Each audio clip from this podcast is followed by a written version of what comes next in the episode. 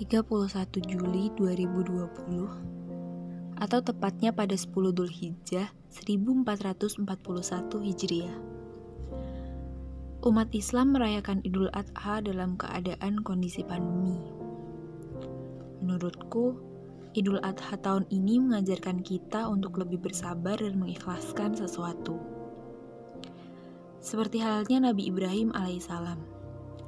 Beliau bersabar atas ujian Allah dengan belum dikaruniainya keturunan sampai umur beliau yang sudah renta. Beliau juga bersabar menanti hingga Allah menganugerahinya Nabi Ismail alaihissalam.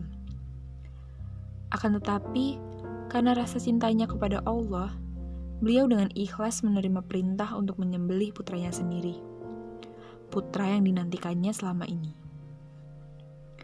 Bayangin aja coba, kamu baru diberi anak setelah beberapa tahun lamanya, eh disuruh nyembelih. Bayangin, nyembelih dong. Bahkan, Nabi Ismail pun turut ikhlas dan menyerahkan dirinya atas dasar perintah Allah. Masya Allah, keren gak tuh? Kalau nggak Nabi nggak ada. Maha besar Allah. Keikhlasan dan kesabaran merupakan suatu hal yang memang sangat susah diterapkan sehari-hari. Ujian emosi dan bisikan setan sering kali menggoda kita untuk meluapkan segaranya. Hingga kita lupa arti penting kesabaran dan keikhlasan itu sendiri. Ayo guys, jangan lelah buat ikhlas dan sabar menerima ketetapan Allah ya. Sabar dan ikhlas menerima ujian Allah, sabar dan ikhlas menghadapi kesulitan di dunia ini semua cuma sementara. Dan janji Allah itu pasti. Seperti kata Allah pada surat Az-Zumar ayat 10. Jadi kata Allah gini, hanya orang-orang yang bersabarlah yang disempurnakan pahalanya tanpa batas.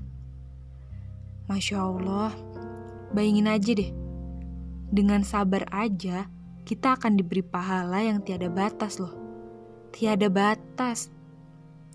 Insya Allah bisa jadi salah satu cara kita buat ngehapus dosa yang segunung ini kan?